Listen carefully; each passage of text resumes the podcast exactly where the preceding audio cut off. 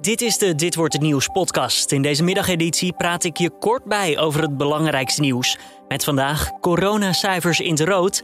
Iedereen geniet van de eerste stevige zonnestralen buiten en financiële steun voor reisorganisaties. Mijn naam is Julian Dom. Het is dinsdag 30 maart en dit is de Dit wordt het nieuws middagpodcast. Alle coronacijfers in het rood. Dat blijkt uit de weekcijfers van het RIVM. Het aantal besmettingen nam met 13% toe tot dik 51.000. Maar er werd wel meer getest.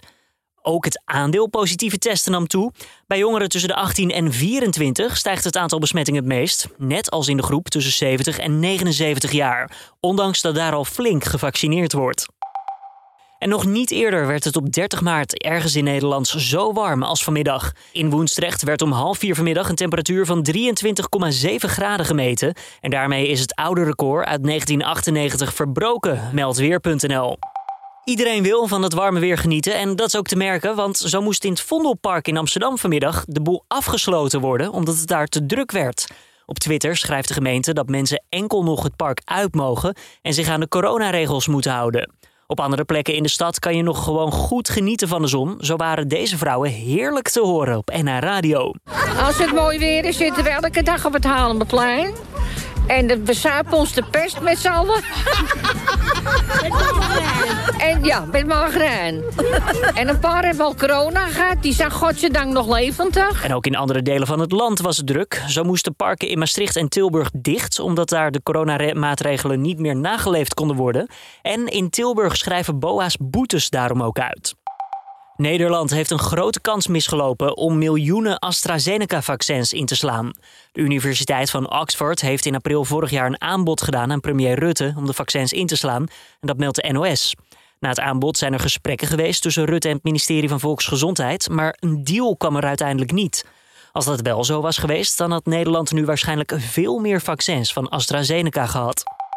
Reisorganisaties krijgen financiële steun. Veel reizigers willen hun voucher die ze kregen voor een geannuleerde vakantie namelijk inruilen voor geld. Maar veel organisaties kunnen dat niet betalen en zouden hierdoor flink in de problemen komen. De overheid mag van de Europese Commissie een speciaal fonds opzetten waar de organisaties geld uit kunnen lenen, om zo de vakantiegangers alsnog hun geld terug te kunnen geven. En dan nog even het zonnige weer van Weerplaza. Ja, het is heerlijk lenteweer bij 15 graden langs de noordkust en 23 in het zuiden van het land.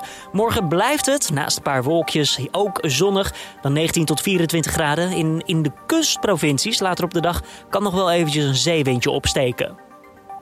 Om af te sluiten, ja, pech voor Elon Musk. Een onbemande raket van zijn ruimtevaartbedrijf SpaceX is namelijk tijdens een testvlucht ontploft. Op de livestream was goed te zien hoe stukken van de raket op de grond vielen. It comes. Oh, there's. Whoa! That's where the solar panels were. Wat er precies mis is gegaan, is nog niet duidelijk. Nou, dit was dan weer de Dit Wordt Het Nieuws middagpodcast. Deze keer van dinsdag 30 maart. Tips of feedback, stuur het naar ons toe via het bekende adres podcast.nu.nl. Mijn naam is Julian Dom. Collega Carne van der Brink is morgenochtend om 6 uur ochtends weer helemaal bij je met het laatste nieuws. Te vinden in de app en op de website. En ik zou dan willen zeggen voor nu in ieder geval een hele fijne en zonnige mooie avond.